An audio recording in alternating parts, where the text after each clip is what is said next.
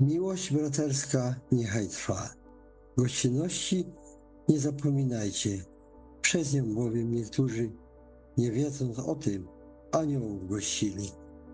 Pamiętajcie o więźniach, jakbyście współwięźniami byli, o uciskanych, skoro sami również w ciele jesteście. Małżeństwo niech będzie we czci u wszystkich, a łożenie skalane.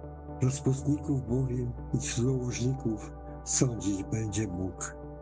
Niech życie wasze będzie wolne od chciwości, poprzestawajcie na tym, co posiadacie. Sam bowiem powiedział, nie porzucę cię, ani cię nie opuszczę. Tak więc z ufnością możemy mówić, Pan jest pomocnikiem moim, nie będę się lękał.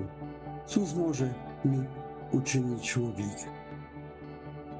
Jezus Chrystus, wczoraj i dziś, ten sam i na wieki.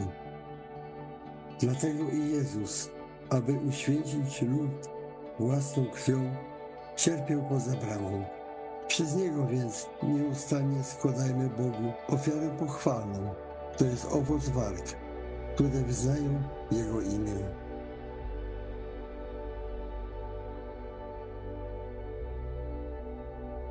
Kto ofiaruje dziękczynienie, czci mnie, a temu, kto nienagannie postępuje, ukażę zbawienie Boże.